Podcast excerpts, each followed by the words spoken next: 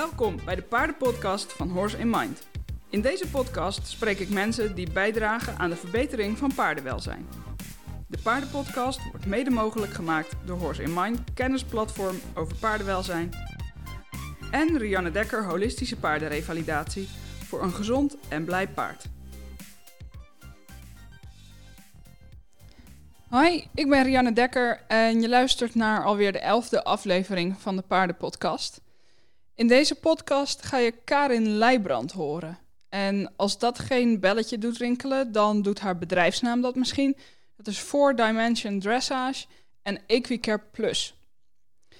Ik uh, ben inmiddels uh, al een aantal jaar student bij, uh, bij Karin. Ik heb de opleiding bij haar gedaan en ik ben nu ergens op driekwart van de masterclass.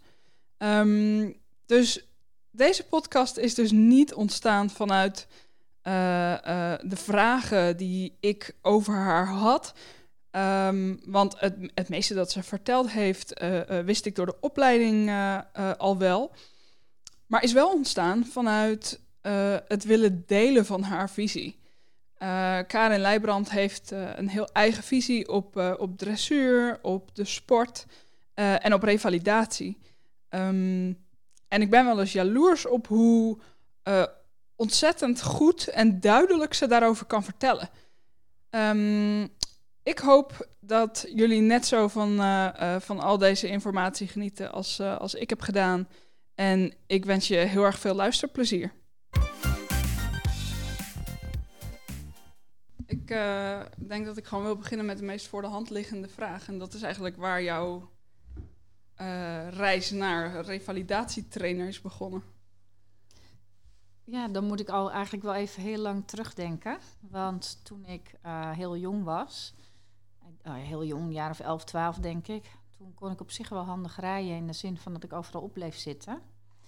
Dus kreeg ik al best wel vraag, vaak de vraag van mensen ja, ik heb een probleem met mijn paard. Ehm, hij bokt me eraf, onder andere. En zou je een keertje willen rijden?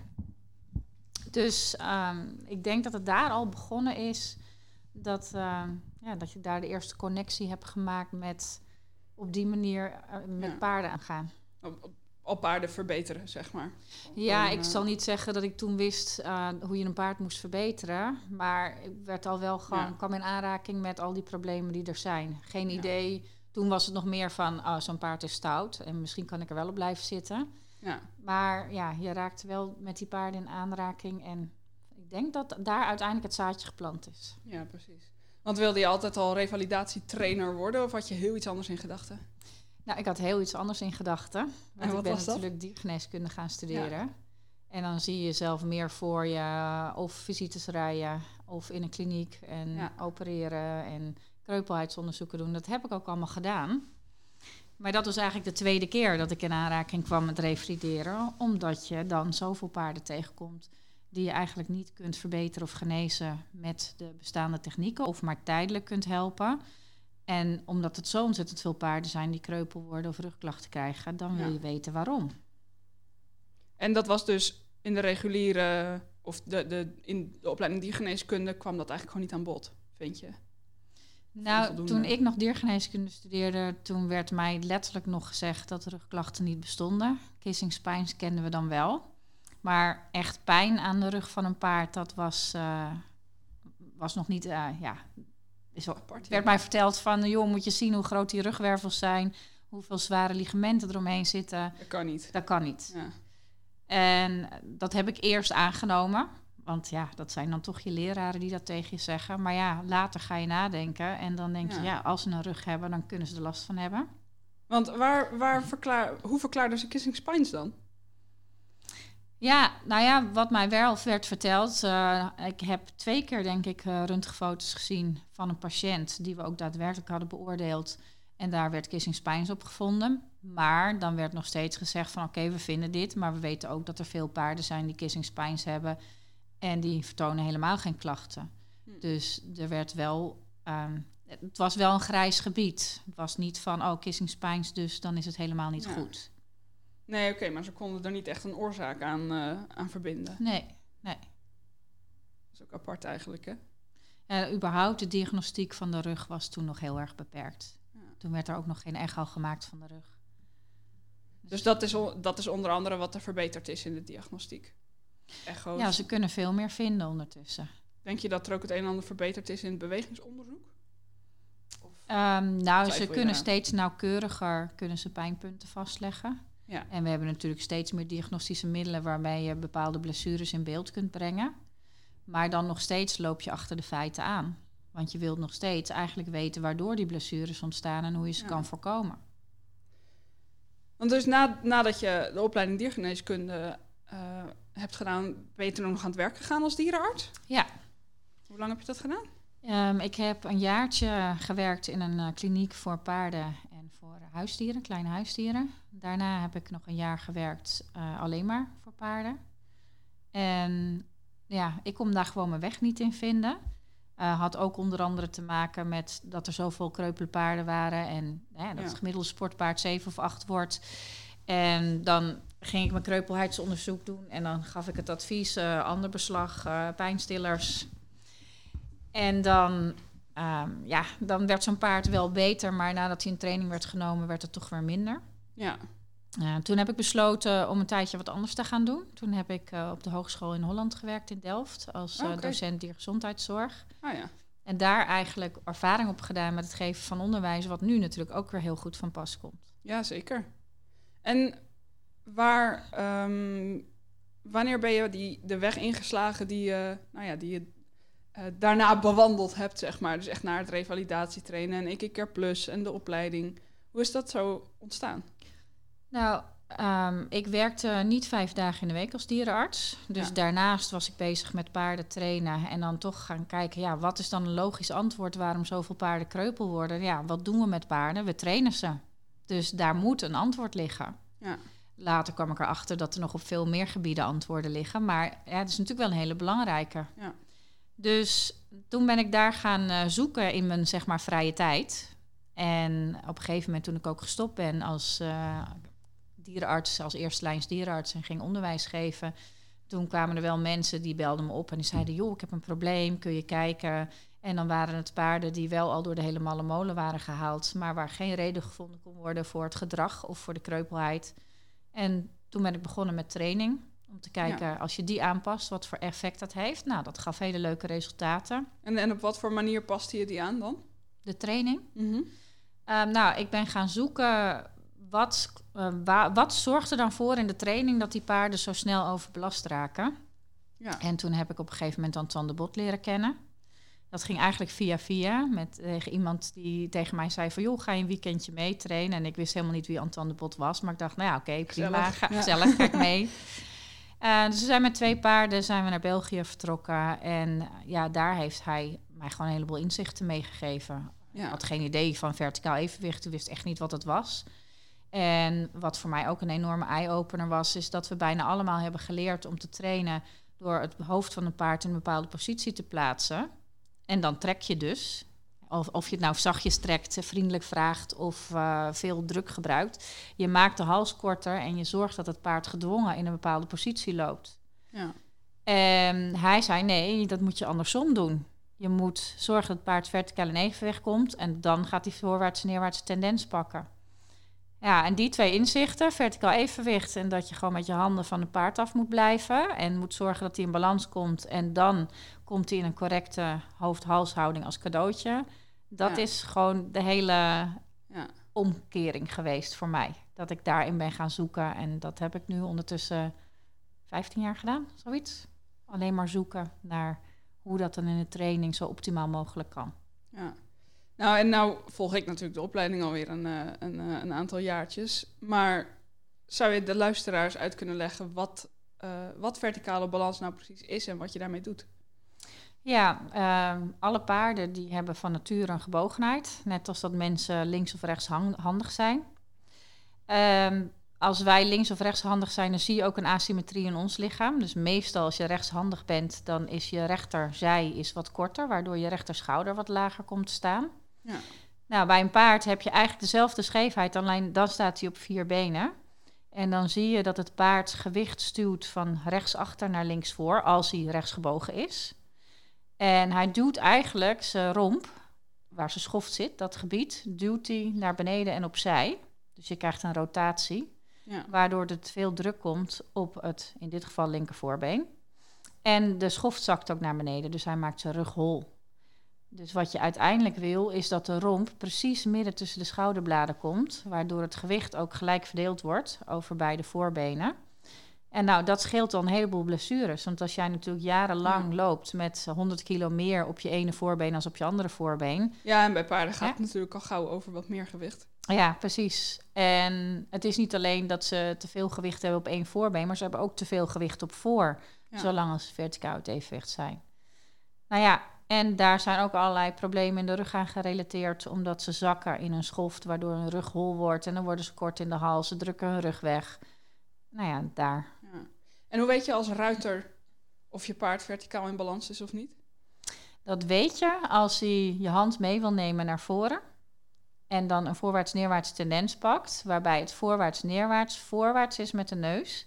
En neerwaarts met de hals. En dat de neus ook echt voor de loodlijn is. Ja, dus het, het over de grond stofzuigeren, wat je, wat je vaak mensen ook wel eh, ziet doen bij wijze van ontspanning, dat is niet wat je bedoelt met voorwaarts-neerwaarts. Nee, nee voorwaarts-neerwaarts is niet te laag. Nee. Want als het paard te laag gaat, dan plaatst hij juist weer meer gewicht op de voorhand. Dus het hals strekken hoeft op zich helemaal niet verkeerd te zijn. Maar het is niet echt een trainingshouding. nee. Dus als een paard even wil ontspannen, dan kan je dat allemaal doen. En als ik met een jong paard werk of een paard wat omgeschoold moet worden, dan gebruik ik halstrekken ook als. Want vaak kunnen die paarden geen voorwaarts-neerwaarts tendens. Want daarvoor moeten ze de rug kunnen rekken. En die is juist kort geworden, door, over het algemeen, door de training. Ja. Dus dan kunnen ze wel halstrekken. Ja, dan is het of halstrekken of hoofd heel erg hoog of hoofd achter de loodlijn. Dan liever halstrekken. Wat is volgens jou het belang van voorwaarts-neerwaarts? Ehm, nou, een heleboel dingen. Eh, ten eerste moet je dus zeker weten dat het voorwaarts-neerwaarts door jou gegeven wordt door het paard. In plaats van dat jij dat van het paard vraagt. Dan weet je al dat je aardig goed zit of heel goed zit in je verticaal evenwicht. Nou, dan krijg je dus een gelijke gewichtsverdeling over beide voorbenen. Maar het is ook een eerste aanzet om eh, zijn core stability te creëren. Dus op het moment dat een paard lengte moet maken in de hals, dan moet hij zijn romp stabiliseren om die neus voor de loodlijn te kunnen houden. Omdat het hoofd is natuurlijk best wel zwaar. Dus als hij die ver voor zich moet houden, Ja. dan moet hij dat allemaal zien te stabiliseren. Ja, verder gaat de schoft omhoog en de rug wordt, eh, komt helemaal omhoog. En het voorbeen gaat voldoende naar voren. Daardoor kan het achterbeen wel vo- voldoende naar voren komen. En van daaruit kun je meer gaan sluiten. Maar heb je foutjes zitten in je voorwaarts-neerwaarts tendens, dan krijg je dus fouten in het sluiten. Ja. Dus het simpelweg achterhand activeren, wat je veel mensen hoort zeggen. Zeker in de wat meer eh, reguliere sport, zeg maar. Dat is, eh, dat is niet iets dat jij gebruikt. Nou, achterhand activeer ik wel op het moment dat het paard verticaal in evenwicht is. En Ja. nou zie ik dat je moet lachen, want we hebben het net gedaan met een paard. Wat ik, als een paard verticaal uit balans is, dan duwt hij als hij rechtsgebogen is met rechtsachter naar linksvoor. Ja. Dus als ik dan zijn achterhand ga activeren, dan gaan ze over het algemeen nog harder met rechtsachter naar linksvoor duwen. Ja. Dan vergroot ik zijn disbalans. Maar als ik hem in verticaal evenwicht zet en ik ga dan zijn achterhand activeren, dan gaat het achterbeen verder naar voren en gaat hij de voorhand optillen. Maar Want, want wat versta je dan onder achterhand activeren? Wat voor hulpen horen daarbij? Het is in feite het vergroten van de energie van het Ja. paard waarmee hij draaft. En Ja, precies. je weet dat een paard voldoende energie heeft als het achterbeen landt in de afdruk van het voorbeen en niet erachter. Ja. Als hij erachter landt, dan weet je dat je te weinig energie hebt. Of er zijn andere oorzaken. Maar dan wordt het meteen een heel ingewikkeld verhaal. Ja, precies, precies. Ehm, over revalidatiepaarden gesproken. Ehm, welke klachten zie jij het meeste voorbij komen? De meeste klachten die ik voorbij zie komen, dat zijn eh, rugklachten, rug- en halsklachten. Dus halsartrose of kissing spines. Ondertussen weten we dat als een paard kissing spines heeft, dat het bijna nooit alleen maar kissing spines is. Maar dat hij vaak ook eh, problemen heeft in de hals of het SI-gewricht. Ehm, soms wordt er niks gevonden, maar dan komen paarden hier met zogenaamd gedragsproblemen. Wat ik meestal niet als een gedragsprobleem zie, maar een paard wat probeert te vertellen dat er iets met zijn lichaam aan de hand is. Ja. En dat hij het niet fijn vindt om gereden te worden. Ehm, en de paarden die kreupel zijn waar geen oorzaak voor gevonden kan worden. Die kom ik ook best wel vaak tegen. En dat zijn over het algemeen niet de paarden die stokkreupel zijn, maar die gewoon onregelmatig zijn. Ja. En, en kun jij daar dan wel een oorzaak voor vinden? Nou, ehm, de oorzaak ligt over het algemeen in blokkades in het lichaam en in de fascies. En dat is ook best wel een ingewikkeld verhaal natuurlijk om zo even uit te leggen. Maar door het hele lichaam heen zitten allemaal banen van bindweefsel. En het hele lichaam is van voor naar achter, van links naar rechts uh, met elkaar verbonden met bindweefsel. Ja. En dat bindweefsel kan vrij sterk zijn en, en dik van structuur, zoals bijvoorbeeld pezen. Maar het kan ook heel dun zijn. Maar omdat alles met elkaar verbonden is, als een paard ergens in de lenden een pijn heeft, dan omdat die fascies daar verstrakt zijn, dan kan dat een effect hebben ergens in een voorbeen of in de bewegelijkheid van de hals. Ja. Dus wat wij doen is, we gaan het hele lichaam langslopen om te kijken waar beperkingen zitten. Ja, en wat je nu uh, genoemd hebt wat betreft uh, veel voorkomende problemen die je tegenkomt, zijn eigenlijk al de dingen die jij bij de paarden ontdekt. Maar met wat voor klachten komt de, uh, komt de eigenaar bij je? Nou, heel vaak uh, hebben mensen al de hele malle molen doorgelopen met hun paard. Dus hebben ze al heel veel diagnostiek gedaan. Dus ik krijg oh heel vaak een uh, heel pakketje met A4'tjes uh, met allemaal verslagen. Um, ja, heel weinig dat mensen meteen komen zonder dat ze al eerst alles hebben onderzocht. Wat mijn werk enerzijds ook wel weer makkelijker maakt. Maar anderzijds ook wel weer ingewikkelder. Want als mensen, eigenaren, eenmaal weten... er zit kissing spines in mijn paard... dan is het heel moeilijk om de mind van de eigenaar mee te krijgen... dat dat oplosbaar is. Je kunt de kissing spines kun je niet uh, wegkrijgen over het algemeen. Tenminste, de afwijkingen die je ziet op de röntgenfoto... die verdwijnen niet meer.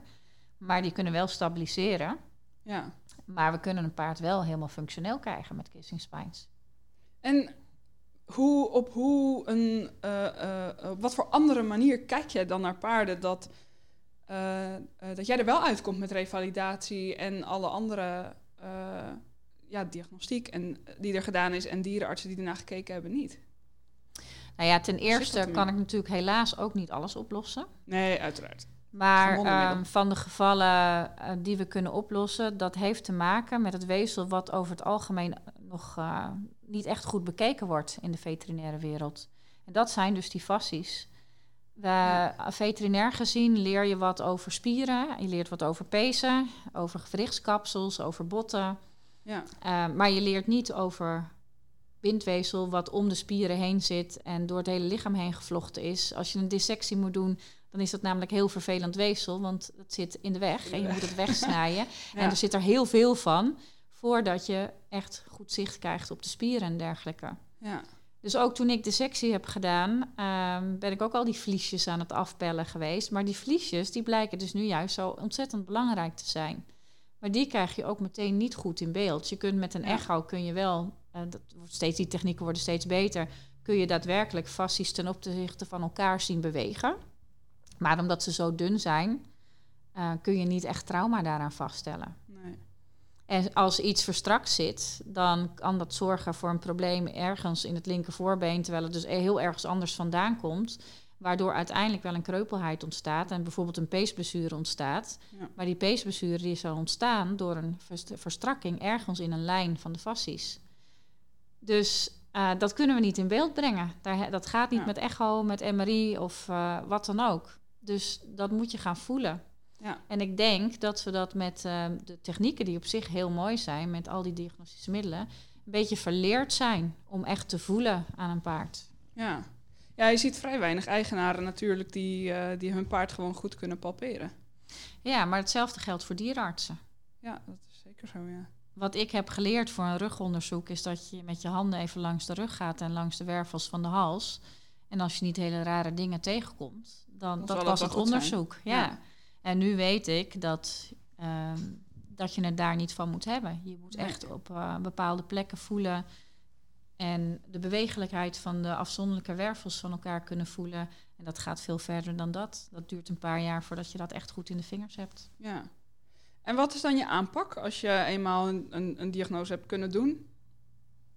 Nou, de grap is dat ik vaak aan eigenaren uitleg wat ik allemaal heb gevonden. En dan ga ik ook uitleggen over de fascies. En dan heb ik ongeveer een uurtje uitleg gedaan. En dan vragen mensen aan mij: wat heeft mijn paard nu eigenlijk? Want er is niet echt, de diagnose is er niet. Hè? Het is een heel complex aan uh, waar die allemaal vastzit in fascies. Maar wat we dan gaan doen is, we gaan zorgen dat het paard behandeld wordt. Dat alles wat beperkt is in de beweging weer kan gaan bewegen. Heel vaak hebben paarden ook een, eh, een verandering in de beenstand opgelopen, omdat de fascies verstrakt zijn. Dus heel vaak zien we ze bodem nauw lopen en van daaruit gaan ze of frans staan of toontredend. Dus afhankelijk van hoeveel we los hebben kunnen maken, passen we ook de voetas weer aan, zodat hij ook weer correct kan bewegen. Ja. Dan krijgt hij meteen ook een betere as in zijn gewrichten, waardoor ook zijn gewrichten weer beter functioneren en je minder kans hebt op overbelasting. En als er al een overbelasting in zat, dan gaat dat over het algemeen vanzelf herstellen. Ja. Verder kijken we naar voeding. Want als paarden heel veel suiker krijgen, dan kunnen wij doen wat we willen aan behandelingen. Maar suiker heeft een heel slecht, heel negatief effect op fascies. Um, als je een paard op de dissectietafel kijkt wat last heeft van zijn fascies, uh, sorry, last heeft van suikers, dan worden die fascies helemaal gelig van kleur. En die oh. raken wat ontstoken. Dus ja, dat betekent dat ik dan wel iets los kan maken, maar dat gaat irriteren en dat gaat juist weer verstrakken. Dus de voeding moet aangepast, soms moet de huisvesting aangepast. En daarna gaan we kijken wat we met training kunnen doen om het paard weer te leren om een correcte houding aan te nemen. Want als wij hem losmaken, wil niet zeggen dat hij dan denkt: oh wacht, nu heb ik de mogelijkheid om goed te bewegen. Nee, precies. Het is meer een soort, een soort reset van het lichaam die je daarna gewoon goed moet gebruiken. Ja. ja. Dus ook Um, het is heel vaak zo dat als een paard behandeld is, dat de behandelaar zegt: geef hem nu maar een week rust. Of alleen wandelen. Ja. Maar eigenlijk zeg je juist van ga hem en dan wel correct trainen om dus te helpen om zijn lichaam weer ja. Uh, beter te gaan gebruiken. Nou hangt dat natuurlijk een beetje af van waar je van uitgaat. Hè. Zoals vanuit de osteopathie werken ze in feite op het sympathisch parasympathisch zenuwstelsel. Mm en als je echt manipulaties hebt gedaan, kun je je wel voorstellen als je gemanipuleerd bent in je rug, dat je liever geen ruiter op wil hebben. Ja. Maar ik werk primair met fascies. Dus ik maak fascies los die soms al jaren verkleefd zijn geweest. En als ik dan zeg, laat hem maar staan en hij beweegt niet, dan gaat dat weer verkleven. Juist omdat ik met die fascies bezig ben geweest, gaat dat irriteren. En dan krijg je natuurlijk een ontstekingsreactie van het lichaam. Dus ik wil eigenlijk dat ze zo snel mogelijk gaan bewegen. Maar je moet wel heel goed kijken, wat kan het paard? Sommige paarden zijn helemaal de weg kwijt in hun eigen lijf. En dan, ik wil ze ook niet onder het zadel hebben. Ik wil ze dan gelongeerd hebben bijvoorbeeld. Maar als je ziet dat een paard even niet meer weet waar hij zijn benen moet zetten... dan moet je natuurlijk wel even oppassen wat je doet. Ja. Want je werkt dus ook je werkt veel met uh, uh, aan de longe bijvoorbeeld. Um, doe je nog meer aan de hand?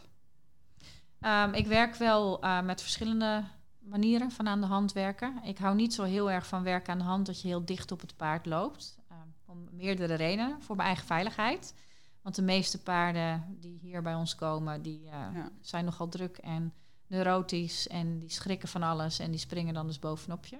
Ja. Maar ik vind ook dat je niet een goed overzicht hebt over het paard als je er heel dicht op staat. En uh, je beperkt hem in zijn vrijheid van bewegen. En ik wil eigenlijk niet dat paarden vanaf het begin af aan zich uh, klein gaan bewegen en gaan verzamelen. Want daarmee bouwen ze geen koorstabiliteit op. Dus als ik wil dat ze lekker vrij kunnen stappen, draven, galopperen, ja, dan moet ik wel heel erg hard kunnen rennen. Ja. Om dat uh, bij te kunnen houden.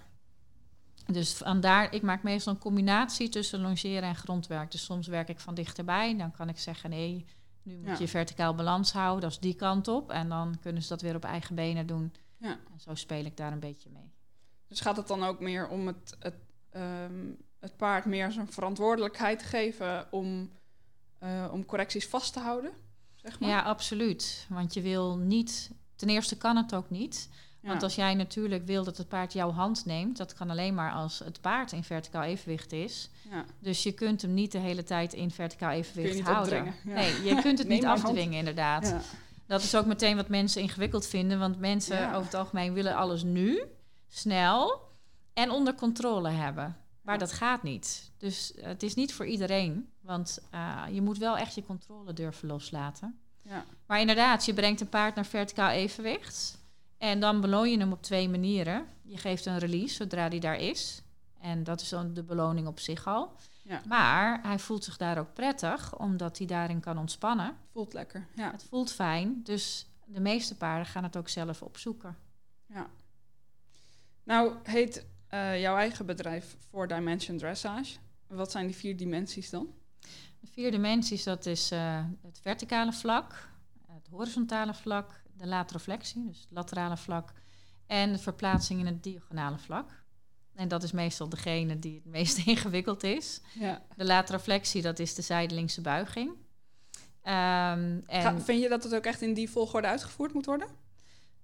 ja, meestal wel. Maar dat is meteen de ellende van het trainen van paarden. Er is niet en altijd. En niks is altijd waar. En soms Ja. klopt er niet van dat wat jij gedacht had dat er zou kloppen. Dus je moet het altijd blijven observeren. Ja. Maar verticaal evenwicht is wel stap 1 wat mij betreft. Tenzij je een paard hebt wat zo enorm op de voorhand valt dat hij niet in verticaal evenwicht kan komen. Ja. Maar verticaal evenwicht zorgt voor de correcte voorwaarts-neerwaarts tendens en van daaruit kun je verder. Kun je ook nog wat vertellen over die andere drie dimensies? Nou, het horizontaal evenwicht en de lateroflexie, dus de zijdelingse buiging, die zijn eigenlijk heel erg met elkaar vervlochten. Want als een paard lateroflexie aan moet nemen, dan is het makkelijker voor hem als hij al een klein beetje meer gedragen is. Maar aan de andere kant, als hij lateroflexie moet aannemen, of als je dat van hem vraagt, dan moet hij zich ook meer gaan dragen. Dus Ja. soms begin ik aan een paard met lateroflexie vragen en dan gaat hij zich meer dragen. Soms vinden ze dat heel ingewikkeld en dan ga ik hem eerst leren iets meer te dragen en dan kunnen ze wel een lateroflexie aannemen. Ja. Nou ja, en die verplaatsing naar het diagonale vlak, daar zijn wij vandaag mee bezig. geweest Jazeker. ja. Ik eh, voel het aan mijn lijf. ja, dat is dat je de voorhand en de achterhand los van elkaar kunt verplaatsen. Dus vandaag wat wij hebben gedaan is dat eh, jouw paard die liep verticaal in evenwicht. Ja. Maar de voorhand liep nog een beetje aan de buitenkant van de lijn. Dus aan de buitenkant ten opzichte van de achterhand. En toen hebben we de voorhand naar binnen toe verplaatst. En toen kwam die helemaal recht op de lijn. Ja. En is dat ook eh, de dimensie waar je mee speelt in zijgangen? Ja, zijgangen, welke zijgang je ook pakt, ze zijn allemaal opgebouwd uit vier dimensies. Ja, dat is zeker. Waar hebben zijgangen eh, hun, hun plek in jouw ja, methode? Nou, ik begin niet meteen met zijgangen. Dat heeft ook te maken omdat ik natuurlijk meestal met revalidatiepaarden werk. En zijgangen zijn best wel belastend voor een paard, omdat je iedere landing krijg je een rotatie in het been, wat behoorlijk belastend is voor de collateraalbandjes, dus eh, de enkelbandjes zeg maar. Hè. Ieder Ja. gewricht heeft aan de binnen- en de buitenkant bandjes lopen. Eh, maar ook voor het gewricht zelf, omdat je die draaiende beweging hebt. Dus ja, als ik een eh, paard heb, ik weet ook dat als een paard eh, last heeft van zijn rug, dan zal die ongetwijfeld ook wel ergens in zijn benen problemen hebben. Dus ik ben daar altijd wel voorzichtig mee. Ja, Dus pas op het moment dat het paard zich voldoende kan dragen en later reflectie aan kan nemen. En eigenlijk alle vier dimensies goed begrijpt. En heeft laten zien dat hij de belasting van de training goed aan kan. Dan ga ik met zijgangen aan de slag. en waar gebruik je die dan voor? Om, Dus- om wat te verbeteren? De zijgangen gebruik ik om de geslotenheid, dus de gedragenheid verder door te verbeteren. De coördinatie, de souplesse en eh, ook de late reflectie voeg je daaraan toe. Ja. Dus eigenlijk is het meer van het- wat je al deed. Ja, en het is echt een, een middel tot een doel, in feite. Ja, Het is Het geen is- op zichzelf staande... nee, klopt. Nee, heel vaak als we beginnen met paarden met de zijgangen, dan zijn de zijgangen helemaal nog niet perfect. Ja, Maar als we ze daarna weer gewoon op de volte zetten, dan zien we dat ze verbeterd zijn in hun gedragenheid of in hun late reflectie. ja. Nou ja, dat heb, dat heb ik net wel gevoeld inderdaad. ja, dat was heel mooi om te zien. Ja, zeker. Ehm, wat ehm, is er? Heb je een, een, een missie, zeg maar? Waarom, waarom spreekt juist dit werkje zo aan? Ja, ik had nooit van tevoren bedacht dat dit mijn missie zou zijn. Ehm, ik- het is allemaal een beetje bij toeval is het zo gegaan zoals het is gegaan. Ik ben wel altijd heel nieuwsgierig geweest. Dus als ik ergens geen antwoord voor kan vinden, dan ga ik daarin zoeken. Ja, Maar nu, ehm, nu met alle kennis die ik heb, is het wel echt mijn missie om mensen en paarden te helpen. Want ik zie natuurlijk heel veel fout gaan met paarden. Heel veel verdrietige eigenaren. Mensen die zijn natuurlijk, hun paard is hun alles. En dan wil je alles goed doen en dan gaat er nog van alles mis. Dus dat ben ik, eh, ja, daar, daar Ja. wil ik graag aan bijdragen om eh, daaraan te helpen dat het beter gaat. Ehm, maar ja, ook voor de paarden. Want ehm, ik denk dat ehm, de paarden in de topsport ook en de dressuurpaarden voor mensen ziet het er allemaal heel erg mooi uit. Hè? Ze zijn opgepoetst, bling bling, er gaat heel veel geld in om. Dus als je een paard op tv ziet lopen, dan denk je, nou ja, zo'n dier moet het fantastisch hebben, want anders zou die niet Olympisch kunnen presteren. Maar achter de schermen is het denk ik echt een diersoort waar niet goed naar gekeken wordt. Want die paarden die mogen nou niet of nauwelijks contact hebben met soortgenoten. Ze doen training die eigenlijk hun lichaam niet uh, kan dat eigenlijk niet hebben. Dus ik uh, wil daar graag iets mee. Ik wil graag uh, mensen bewust maken wat een paard nodig heeft. En als je hem dan traint, hoe je dat dan kunt doen, waardoor hij gezonder en sterker wordt in plaats van dat hij last krijgt van zijn lijf. Ja. En denk je dat, uh, stel dat je een paard op deze manier, op een correcte manier, um, nou, laten we zeggen, richting Grand Prix oefeningen zou trainen. Denk je met de huidige manier van jureren dat je uh, kans hebt op een wedstrijd? Of denk je van eigenlijk moet er ook in het jureren ja, nog heel veel veranderen? Dat is inderdaad een hele moeilijke. Ik dacht altijd van wel, omdat het uiteindelijk wel dichter bij elkaar komt. Uh, als je verder bent en je gaat een paard meer sluiten. Maar ja, het, is toch, het ligt denk ik toch wel heel ingewikkeld. En wat ik merk is dat heel veel mensen die bij mij uh, komen trainen, dat die op een gegeven moment afhaken van wedstrijden omdat ze er geen zin meer in hebben. Omdat ze zoveel ja. plezier hebben in het trainen van hun paard zelf. En dan... Ja, je ziet, je ziet het inderdaad, merkte ik in de opleiding ook, dat je het twee kanten op ziet gaan. Ja. Je hebt of, of mensen die uh, toch kiezen voor de wedstrijden en uh, dat, het gaat niet snel genoeg, zeg maar. Of inderdaad mensen die de wedstrijden voortaan links laten liggen. Ja. Heb ik het idee. Maar er zijn wel mensen die wel starten op deze ja. manier. En die ook best wel een punt scoren. Meestal staat er op een protocol dat ze de teugels meer aan moeten nemen. En dat ze meer verbinding moeten maken. Uh, ja. Maar ik ben heel trots op deze mensen. Dat zij zeggen van nou dat doe ik gewoon niet. Ik blijf gewoon met een lichte verbinding rijden. Met het neusje voor de loodlijn. En toch ja. rijden ze wel hun punten. Ja. Vind je dat er aan het reglement ook iets veranderd moet worden? Nou, als je kijkt naar het reglement van de FVI, dan is dat een perfect reglement. Ja, het zijn eigenlijk hele mooie regels. Ja, ja. Er staat ook iets over harmonie en vertrouwen. En het moet er moeiteloos uitzien. Dus ik denk uh, ook de beschrijving van de hoofd-halshouding van het paard, dat klopt allemaal. Dus ik denk dat het reglement niet aangepast moet worden. Maar ik denk ja. dat er wel eens even heel kritisch gekeken moet worden naar dat wat we tegenwoordig zien in de sport of dat ja. nog hetzelfde is als dat in de beschrijving staat. Ja, precies. Dus dat is eerder het, het jureren dat dan onder de loep genomen moet worden. Ja. En, uh, en moet veranderen. Ja. Denk je dat dat uh, gaat gebeuren? Op, Ik uh... hoop het nog mee te maken. Ja. ja. Het is natuurlijk altijd dat als er ergens status of geld ja. aan verbonden zit, dat het dan heel moeilijk is om dingen te veranderen. Ja, absoluut. Ja. Maar er borrelt wel van alles. Ja, zeker. En ik denk zelfs dat we moeten gaan oppassen dat als uh, dierenactivisten echt fanatiek gaan worden, dat het misschien nog wel eens zover kan komen dat er gesteld wordt dat je gewoon überhaupt niet meer uh, wedstrijden mag doen met dieren. Ja. Dus ik denk dat we met z'n allen toch een verantwoording hebben om te zorgen dat als we dat dan doen, dat we dat op een goede manier doen, ja. zodat het niet ten koste gaat van het paard. Dan uh, hangt ons dat waarschijnlijk nog niet dat boven zou, het hoofd. Dat zou heel mooi zijn natuurlijk. Zeker. Je hebt inmiddels na een heel aantal jaar uh, uh, revalideren en leren ook uh, zelf een opleiding opgezet. Nou, ik zei er natuurlijk net al wat over, dat ik er al een, een aantal jaar op heb zitten. Um, is dat ook geboren uit het willen helpen van nog veel meer ruiters en paarden?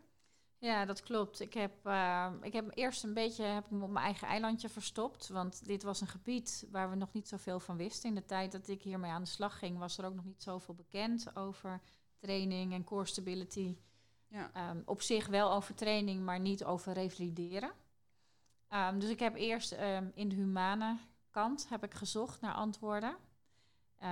Ben ik ook naar bijvoorbeeld naar Amerika geweest uh, bij core stability trainers om te kijken van ja, wat doet die dan, humaan? Daar ja. heb ik al heel veel van geleerd, maar het moest allemaal nog vertaald worden.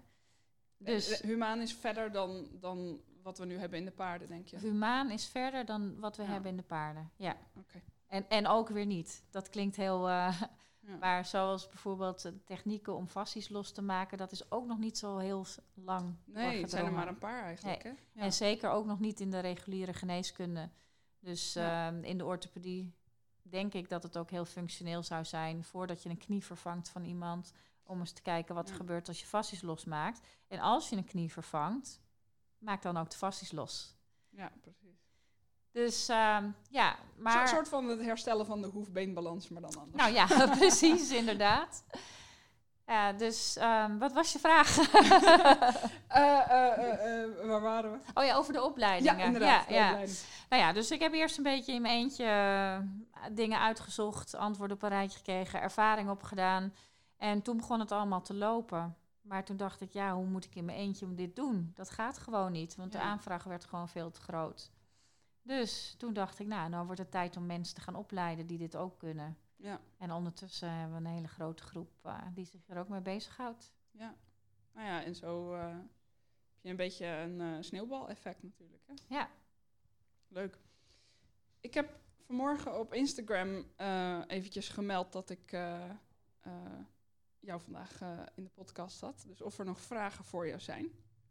Dus ik zal eventjes kijken of daar nog op gereageerd is. Ehm, even kijken, iemand die vraagt dus over de opleidingsmogelijkheden. Nou ja, daar hebben we het dus net al eventjes kort over gehad. Er is dus de opleiding revalidatietrainer. Ja. Nou, dit jaar hebben we dat een beetje aangepast. Of tenminste, eigenlijk voor volgend jaar is dat. Want we merken dat er ehm, steeds meer mensen zijn die wel willen trainen op een paardvriendelijke manier, maar geen revalidatietrainer willen worden. Ja. Dus het eerste jaar blijft hetzelfde, want ik vind het wel belangrijk dat als je trainer bent, dat je wel problemen bij je paard vroegtijdig kunt herkennen. En als je les gaat geven, dat je ook bij andere paarden kunt zien van wacht even, hier moet even iets mee Ja, voordat we verder gaan. Dus niveau 1, het basisjaar, dat blijft hetzelfde. Daar krijg je gewoon eh, voldoende anatomie en voldoende inzichten over toplijnsyndroom bijvoorbeeld. Hoe je dat heel snel en heel makkelijk kunt Ja. herkennen. het eerste jaar is ook, is, ook- is ook best breed. Het is, Ja, het is echt niet alleen maar training. Het gaat ook over gedrag en voeding en inderdaad spijsvertering en nou ja, Ja. anatomie en alles wat erbij komt kijken. Ja, klopt. Eigenlijk alles wat er in orde moet zijn om een paard gezond te kunnen houden in de training. Precies. En niveau 2 willen we dan een splitsing gaan maken voor mensen die echt een revalidatietrainer willen worden en mensen die meer ja, sportgericht. Maar sport zien wij dan als trainen met je paard. Maar Ja, sport precies. en wedstrijden, De fanatieke eigenaar, zeg maar. ja, precies. Dat kunnen natuurlijk twee verschillende dingen zijn. Ja. En dan is er nog een derde jaar en die is individueel. Ja. Dat blijft de masterclass. Ja, dat blijft de Ja, masterclass. Oké. Dus, en meer informatie daarover kun je vinden op equicareplus.nl of .com. .com. Even kijken, dan heb ik, zie ik nog een paar vragen. Ehm, daar hebben we het net ook over gehad. Eh, Je mening over wedstrijdrijden en de KNAS. Eigenlijk net al aan, eh, aan bod gekomen.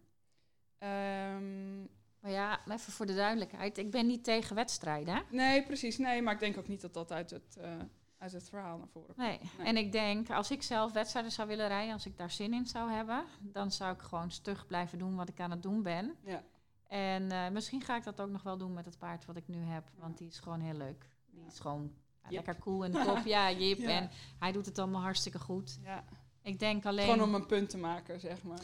nou ja, dan zou ik er dus echt zin in moeten hebben. Ja. En nu heb ik nog zoiets, als ik een keer een dagje vrij ben, ben ik daar heel erg blij mee. ja. Dus wie weet. Ehm, dan zie ik hier nog een vraag. En ik denk eigenlijk dat ook die al, al gaandeweg beantwoord is. Met welke oefeningen kun je de achterhand van het paard sterker maken? Vanaf naast het paard. Ik denk dat je dan gewoon weer terugkomt op eh, de oefeningen die je al beschreven hebt in het, in het longeren. Ja, ik, wat ik wel merk is dat heel veel mensen specifieke oefeningen willen hebben. Dus bijvoorbeeld, we gaan Ja. een schouder binnenwaarts doen en dan maken we hem sterker. Maar waar het eigenlijk over gaat, het sterker maken van de achterhand, is dat hij meer gewicht gaat dragen. Ja, en daar heb je, kun je zijgangen bij gebruiken, maar eigenlijk is het niet een oefening, de achterhand sterker maken. Het is meer is een gevolg van. het is een gevolg van. Ja. En als jij je paard bijvoorbeeld op een volte rijdt en je houdt alles op de lijn, dus als je van bovenaf zou kijken en de ruiter en het paard zou helemaal dezelfde buiging hebben als de, als de lijn van de volte. En als je van voren zou kijken, zou er geen lichaamsdeel uitsteken naar een verkeerde kant. Ja. Dan dat alleen al, dus dat is eigenlijk gewoon een volte rijden met een correcte laatreflectie, met een correcte verticale balans, correcte horizontale balans. Dan uh, dat is al krachttraining. Dat is een enorme krachttraining voor een paard. Ja. Want de reden dat een paard liever niet correct op een volte loopt, is omdat het zo zwaar is om het wel correct te doen. ja. Dus ja, precies. ja, je paard gewoon exact op de lijn rijden met al zijn lichaamsonderdelen en die van jezelf. Dat is eigenlijk krachttraining. Nou, inderdaad. Mijn volgende vraag zou zijn: wat kunnen eigenaren zelf thuis al doen? Maar eigenlijk is dit de perfecte oefening om gewoon thuis eens, eens kritisch naar te gaan kijken. Ja, en ook gewoon eens zelf heel kritisch te kijken. Als ik nu mijn teugels loslaat, wat gebeurt er dan? Ja, En durf je je teugels los te laten? ja, Want ik heb aardig wat mensen een hartverzakking bezorgd om te zeggen in les 1, laat nu eens je teugels los. ja. En ik heb ook echt daadwerkelijk een Het, keer een het is zien niet voor niets struikelen. eh, eh, eh, dat er in jaar 1 natuurlijk rijden op zit een groot onderdeel is. Nee, klopt. Ja, en eh, als je examen wil halen, dan moet je zonder handen kunnen rijden. Ja. Nou ja, je mag je handen houden, maar je mag je teugels niet vasthouden. Ik moet, eh, ik moet gelijk weer denken aan, eh, aan het westernpaard waarop ik mijn examen reed. En die dacht, oh, ik ga gewoon doen wat ik in wedstrijd ook moest. Dus dat waren een, een paar rondjes heel erg hard en een paar rondjes heel rustig. En die had exact door wat hij doen moest. Nou ja, gelukkig eh, was hij het wel gewend om op zit gereden te worden. Dus dat eindigde wel goed, gelukkig. Ehm, als jij paarden, paardenwelzijn een definitie moet geven, wat is dat dan voor jou? Ehm, dat een paard zo dicht mogelijk bij zichzelf mag zijn. Dus dat we de omstandigheden voor een paard zo maken dat hij zijn eigen natuurlijke gedrag zoveel mogelijk kan uiten.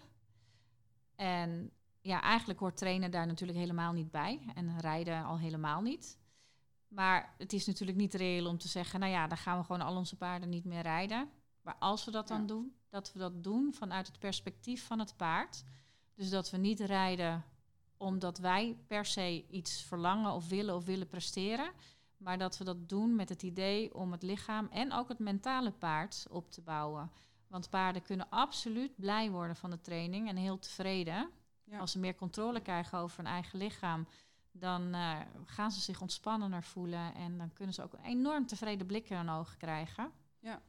Dus ik denk zeker dat training iets kan toevoegen, maar het paard moet daarbij wel op de eerste plek staan.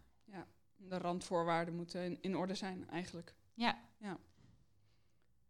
En als je vijf jaar vooruit kijkt, wat hoop je dan dat er veranderd is in de paardenwereld?